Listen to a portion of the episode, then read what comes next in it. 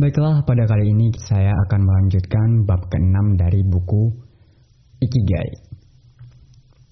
Bab 6. Ikigai dan Kelestarian.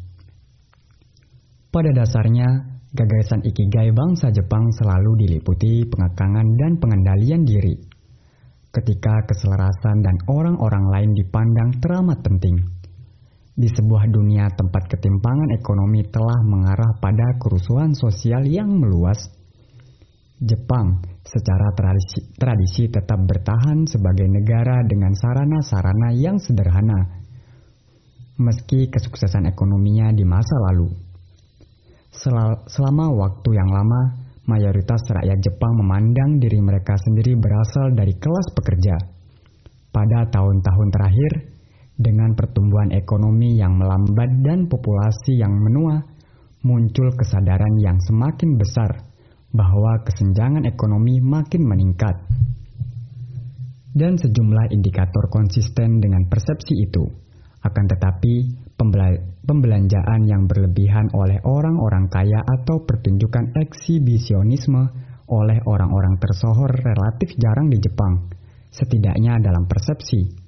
Jepang hanya memiliki budaya selebritas yang lemah. Tidak ada Justin Bieber atau Paris Hilton meskipun Jepang juga memiliki sejumlah selebritas dalam skala kecil. Membatasi keinginan-keinginan dan ambisi-ambisi individu bisa memiliki efek samping yang negatif dibandingkan dengan kesuksesan global perusahaan-perusahaan seperti Google, Facebook, dan Apple. Perusahaan-perusahaan merintisan di Jepang baru-baru ini memiliki dampak yang relatif kecil. Barangkali spektrum kesuksesan dan glamoran bangsa Jepang terlalu sempit untuk mengakodom untuk mengakomodasikan pelaku-pelaku perubahan sesungguhnya pada skala global. Berhubungan erat dengan ungkapan kebebasan dan kesuksesan individual yang lemah dengan pengekangan dan pengendalian diri, terdapat salah satu nilai bangsa Jepang yang paling unik, kelestarian. Pengejaran keinginan individu sering kali diseimbangkan dengan kelestarian masyarakat dan lingkungan. Lagi pula, tanpa masyarakat dan lingkungan yang mapan dan sehat, Anda tidak bisa mengejar target-target Anda dan berupaya untuk meraih ambisi-ambisi Anda. Sebagaimana yang telah kita saksikan sebelumnya, pada level individu, Ikigai adalah fondasi motivasional yang membuat Anda terus bekerja untuk membantu Anda bangun di pagi hari dan mulai mengerjakan tugas-tugas. Selain itu, dalam budaya Jepang, Ikigai berhubungan erat dengan menjaga kelesar, keselarasan de dengan lingkungan, dengan orang-orang di sekeliling Anda, dan dengan masyarakat secara luas, yang tampaknya maka kelestarian menjadi mustahil. Pilar ketiga Ikigai, keselarasan, dan kesinambungan barangkali merupakan etos ter terpenting dan unik dari cara berpikir masyarakat Jepang. Mari kita lihat hubungan bangsa Jepang dengan alam bangsa Jepang telah membuat batasan keinginan-keinginan individu menjadi sebentuk seni kesederhanaan, estetika yang jeli dan kecukupan yang elegan. Dalam idealisme bangsa Jepang terdapat limpahan keindahan yang bersahaja, wabi-sabi. Kayu polos meja sushi yang licin merupakan contoh klasik. Kayu hinoki wangi yang digunakan untuk mandi digabungkan dengan kulit buah jeruk yuzu adalah contoh lain dan yang begitu surgawi. Tujuan mandi demikian tidak hanya untuk membersihkan badan, tetapi juga agar rileks. Mandi di, mandi di alam cukup populer, terutama di onsen, mata air panas. Di wilayah-wilayah perkotaan, menghadirkan alam ke dalam ruangan dengan kemewahan sederhana dan kenyamanan sangat umum. Anda akan sering menemukan lukisan-lukisan Gunung Fuji di dinding Sento, pemandian-pemandian umum, sebagai contoh sebuah trik artistik yang sangat populer. Berjalan di hutan dan panjat gunung adalah hobi-hobi yang populer di Jepang, menunjukkan rasa hormat dan kasih sayang bagi alam yang dirasakan oleh masyarakat Jepang. Desain Taman Bangsa Jepang dibuat agar menyenangkan dipandang mata dirancang untuk bertumbuh menjadi berbagai latar berbeda bergantung pada musimnya. Jepang merupakan negara yang lestari. Kelestarian ini berlaku bukan hanya pada hubungan manusia dengan alam, tetapi juga pada ragam aktivitas-aktivitas individual di dalam suatu konteks sosial.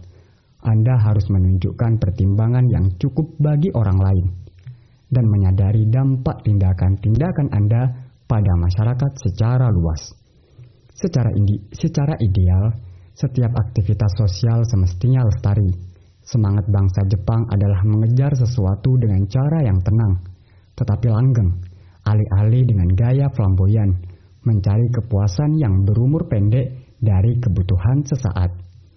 Sebagai konsekuensi, sebagai konsekuensinya, saat sesuatu diawali dengan sungguh-sungguh di Jepang, kemungkinan besar ia akan terpelihara untuk waktu yang sangat lama. Kekaisaran Jepang adalah monarki turun-menurun di tertua di dunia. Kaisar Akihito saat ini yang mulai naik tahta pada 7 Januari 1989 adalah garis turunan ke-125. Banyak institusi budaya yang telah diturunkan selama berabad-abad. Noh, drama musikal klasik bangsa Jepang, kabuki, drama tari klasik bangsa Jepang, dan berbagai bentuk seni pertunjukan lain telah dipraktikkan selama bergenerasi-generasi. Namun, terdapat banyak marga-marga tua lain di Jepang yang meneruskan obor untuk berbagai aspek tradisi budaya dan ekonomi yang berbeda. Kata usaha keluarga mempunyai arti sejarah yang penting di Jepang. Banyak keluarga yang dikenal terlibat dalam akti dalam bidang aktivitas budaya dan ekonomi tertentu yang merentang hingga beberapa abad. Keluarga Ikinobo di Kyoto mendedikasikan diri pada seni ikebana, merangkai bunga, sejak setidaknya tahun 1462, menurut dokumen sejarah. Keluarga-keluarga Sen juga tinggal di Kyoto, melestarikan budaya upacara teh selama lebih dari 400 tahun semenjak kematian sang perintis Senokyu pada 1591. Ada tiga keluarga Sen dengan ratusan ribu pengikut yang mempraktikkan upacara teh, upacara teh di, di sepenjuru Jepang dan luar negeri. Toroya, pembuat manisan tradisional Jepang yang dijalankan oleh keluarga Kurokawa, telah menjalankan usaha selama hampir 500 tahun Kongogumi didirikan pada 578 oleh tiga orang tukang kayu, berspesialisasi dalam konstruksi dan pemelihara, pemeliharaan kuil-kuil, dan merupakan perusahaan tertua di dunia yang kini beroperasi, dengan keluarga Kongo masih memegang kendali. Kebudayaan Jepang penuh dengan adat dan institusi-institusi yang menjalankan ikigai sebagai sebuah mesin bagi kelestarian. Untuk memahami cara bangsa Jepang memandang ikigai, kita harus memahami anatomi kelestarian itu sendiri dengan gaya bangsa Jepang. Hal ini sangat terlihat pada kuil Ise. Di tengah hutan rimbun dan luas yang merentang sepanjang 5.500 hektar di Prefektur Mi, bagian barat Jepang, terdapat salah satu institusi terpenting dari agama asli bangsa Jepang, Shinto yakni kuil Ise. Kuil Ise dianggap sebagai kuil Shinto bangsa Jepang yang paling keramat dan dipersembahkan bagi Dewi Matahari Amaterasu. Dalam legenda bangsa Jepang, keluarga kerajaan merupakan turunan dari Amaterasu. Kuil Ise selama ini dihubungkan dengan keluarga kerajaan Jepang. Peran kepala pendeta kuil secara tradisi dilakukan oleh para anggota keluarga kerajaan. Begitu pentingnya ia sehingga para pemimpin dunia yang menghadiri pertemuan tingkat tinggi G7 ISE Shima pada 2016 mengunjungi kuil tersebut.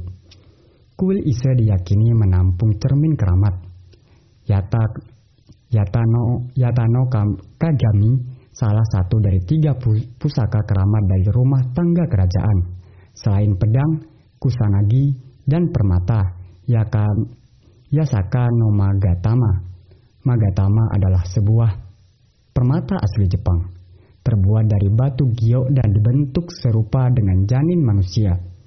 Pada waktu penobatan seorang raja baru, tiga pusaka keramat itu dipindahkan sebagai simbol martabat dan kewenangan rumah tangga kerajaan.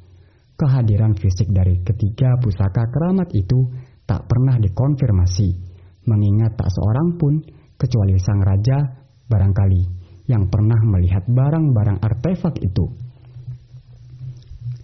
Sikap religius dari warga Jepang modern adalah sekuler. Banyak warga Jepang yang mengunjungi kuil Ise untuk berdoa.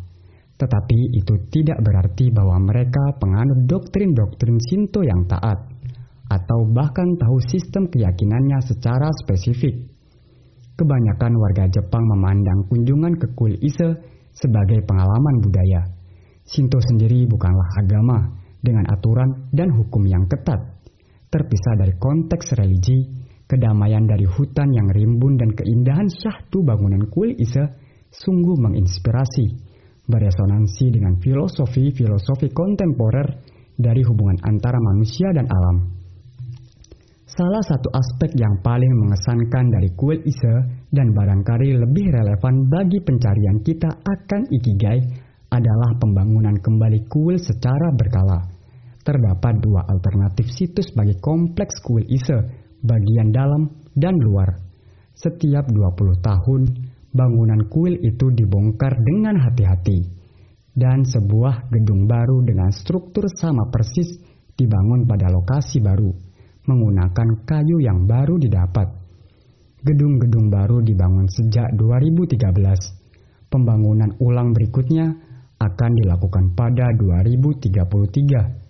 Catatan menyebutkan bahwa proses pembangunan ulang setiap dua dekade ini telah berlangsung selama 1200 tahun terakhir dengan jeda sesekali akibat peperangan dan pergolakan sosial.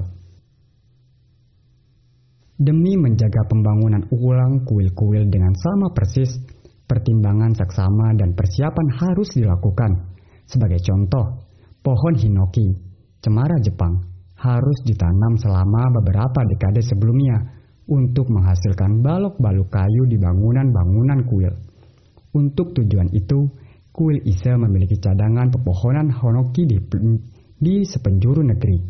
Sebagian balok kayu yang digunakan untuk kuil Ise harus memiliki ukuran tertentu, fungsi yang hanya dapat dipenuhi oleh pohon-pohon hinoki berumur lebih dari 200 tahun. Ada teknik-teknik pertukangan khusus yang digunakan untuk kuil Ise. Sebagai contoh, Bangunan-bangunan kuil dibangun tanpa menggunakan satu paku pun.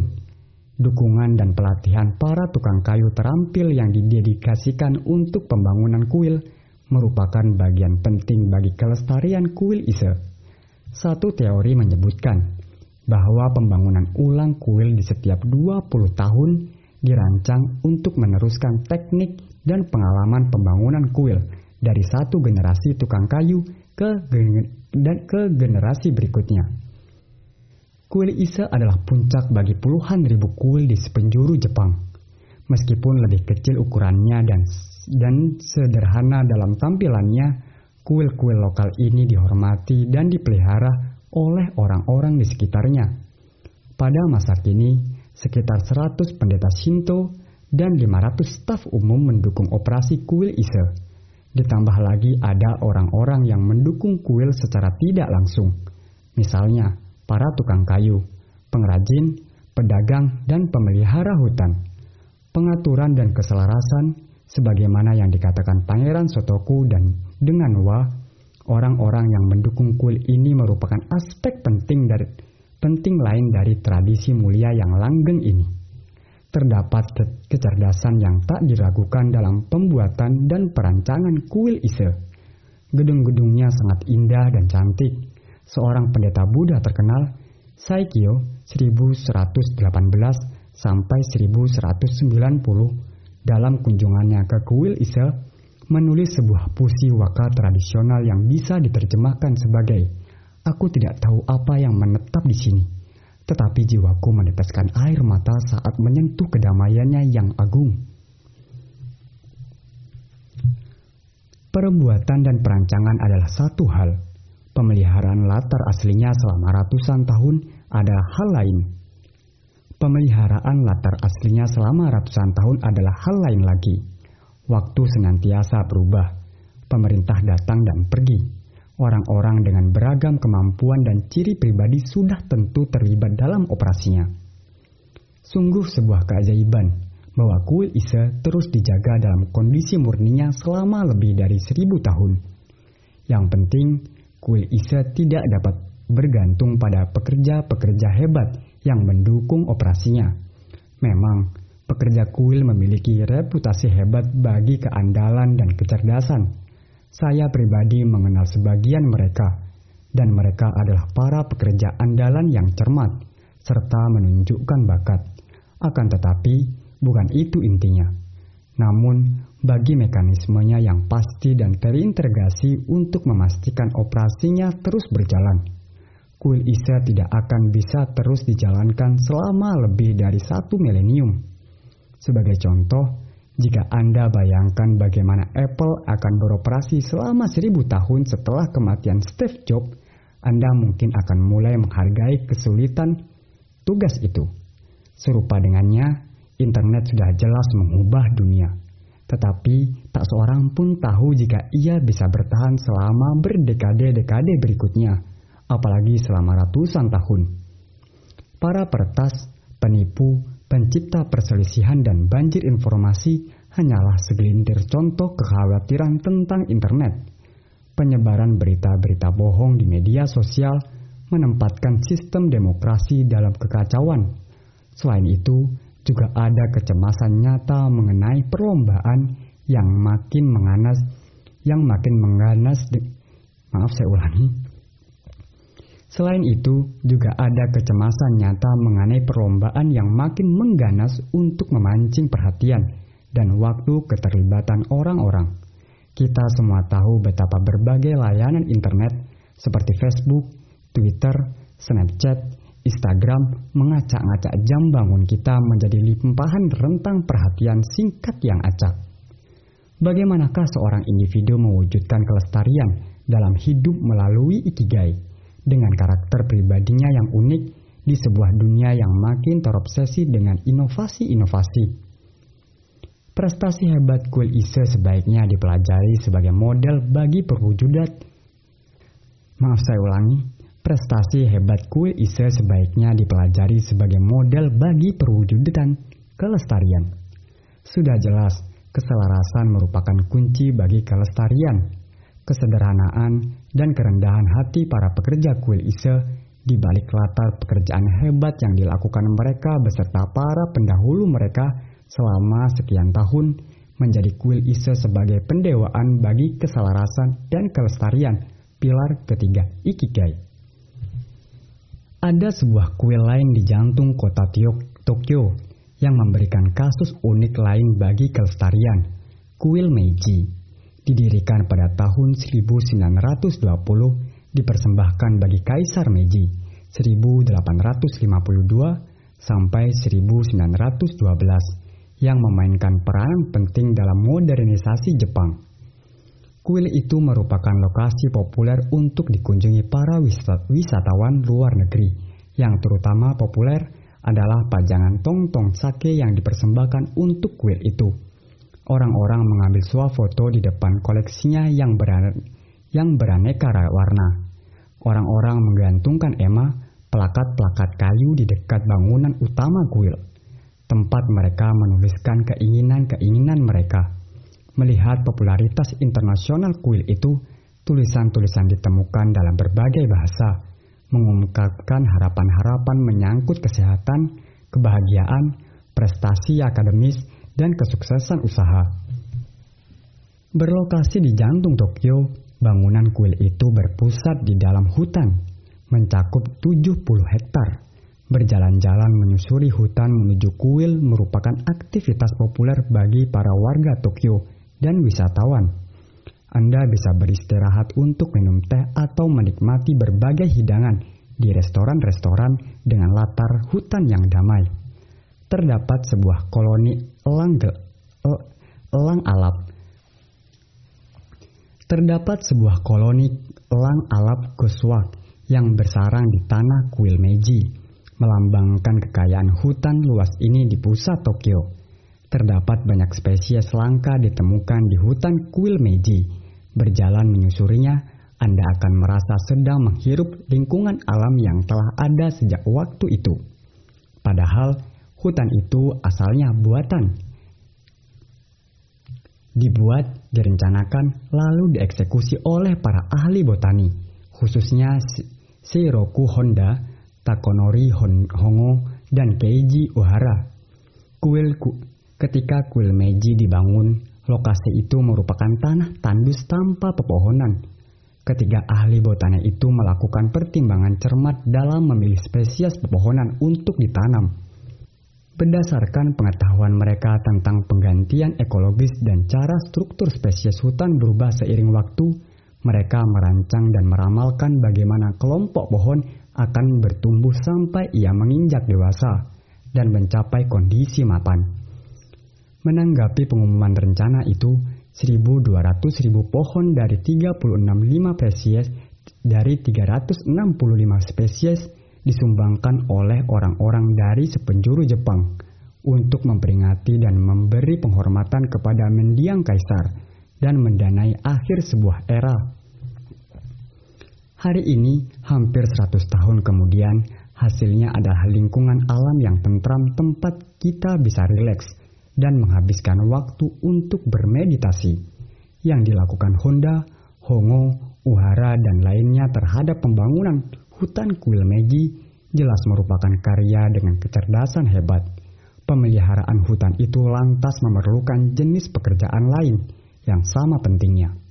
Karena hutan kuil Meiji dianggap sebagai area keramat, orang-orang tidak diperbolehkan untuk mengembara ke sana kemari, kecuali di jalur-jalur tertentu. Setiap pagi, staf terlihat menyapu jalan menuju bangunan kuil, membersihkan daun-daun yang gugur dengan sangat hati-hati dan elegan. Pemandangan yang memberi banyak kesenangan dan inspirasi bagi bagi para peninjau. Staf kemudian menaruh daun-daun rontok itu dengan saksama kembali ke tanah sekitar akar-akar pohon. Alih-alih membuangnya untuk mengembalikan nutrisi berharga bagi hutan. Seiring berlalunya waktu, daun-daun itu dibusukkan oleh jamur dan kembali ke dalam tanah menyumbang bagi generasi-generasi tanaman dan dedaunan berikutnya. Penghormatan bagi tempat keramat ini jelas telah membantu melestarikan koloni elang alap yang bersarang di hutan. Kuil Ise dan Meiji sudah jelas merupakan contoh-contoh hebat inovasi pada waktu pembuatannya. Kuil-kuil itu juga model bagi kelestarian Kuil Ise telah mempertahankan siklus pembangunan ulang selama lebih dari seribu tahun. Kuil Meiji telah ada selama seratus tahun dan tidak sulit membayangkan bahwa kondisinya akan dijaga selama ratusan selama ratusan tahun berikutnya. Ikigai kita tidak akan langgeng jika kita gagal menghargai upaya dari masyarakat umum dalam filosofi bangsa Jepang yang tampak umum dan biasa-biasa saja belum tentu berarti umum atau biasa-biasa saja. Budaya bangsa Jepang bertumbuh subur karena tugas-tugas yang paling sederhana dan kecil sering kali dibawa hingga ke tingkat kesempurnaan. Tanpa filosofi hidup semacam itu, banyak hal, mulai dari pembangunan ulang kuil Ise hingga pembangunan dan pemeliharaan hutan kuil Meiji, atau pengoperasian kereta-kereta Shinkansen dan makanan lezat di restoran-restoran sushi tidak akan bertahan. Tak perlu dikatakan lagi, sebuah sistem nilai yang berpusat hanya pada segelintir orang di, pu di pucuk pimpinan tidak akan bisa bertahan, karena seseorang haruslah berada di level bawah agar orang lain bisa berada di puncak. Di dunia saat ini, tempat orang-orang semakin didorong untuk bersaing dalam konteks global, kita harus mempertimbangkan dampak dan akibat tidak langsung dari obsesi memenangkan persaingan. Pola pikir dengan dorongan untuk menang bisa mengarah pada inovasi-inovasi besar. Namun, pola pikir yang sama juga dapat mengarah pada stres yang berlebih dan ketidakstabilan, baik untuk individu maupun masyarakat. Masalahnya adalah sudah menjadi tabiat manusia untuk berpikir dalam hierarki menang dan kalah, pimpinan dan pengikut, atasan dan bawahan. Itu sebabnya kita telah membuat kemajuan sedemikian sebagai satu spesies dan itulah sebabnya kita mungkin akan berpacu suatu hari nanti menuju kehancuran kita sendiri. Mempelajari ikigai dalam konteks ekspresi diri yang moderat, yang moderat dan terkendali sembari mempertimbangkan sistem organik tempat kita berada bisa saja berkontribusi pada cara hidup yang lestari. Jalan pikiran seperti itu jelas-jelas berkaitan dengan konsep tradisional wa, mengatur hasrat dan keinginan kita agar selaras dengan lingkungan juga akan mengurangi konflik-konflik yang tak diperlukan. Dengan kata lain, Ikigai mewujudkan kedamaian. Kelestarian adalah seni kehidupan, membutuhkan kecerdasan dan keterampilan. Manusia itu ibarat hutan, individu tetapi terhubung dengan bergantung pada yang lain untuk bertumbuh. Fakta bahwa seseorang telah hidup untuk waktu yang lama bisa dibilang sebuah pencapaian di tengah pasang surut dunia yang sering kali tak dapat diprediksi. Lagi pula, dalam proses panjang kehidupan, Anda terkadang tergelincir dan jatuh. Bahkan pada masa-masa itu pun, Anda bisa memiliki ikigai sekalipun ketika Anda tengah mengalami kerugian beruntun. Ikigai, singkat kata, secara harfiah adalah sejak buayan hingga liang kubur, tak peduli apa pun yang terjadi dalam hidup Anda. Jadi, bayangkanlah diri Anda tengah berada di hutan yang damai. Tarik napas dalam-dalam, kemudian pikirkan apa yang diperlukan untuk melestarikan hutan itu. Setiap kali mengunjungi hutan kuil Meiji, saya menyimak senandung indah kelestarian. Ikigai itu berskala kecil, sabar, sederhana, dan berpandangan jauh. Oke. Bab 6 telah selesai dan akan dilanjutkan kawan ya. Nanti mungkin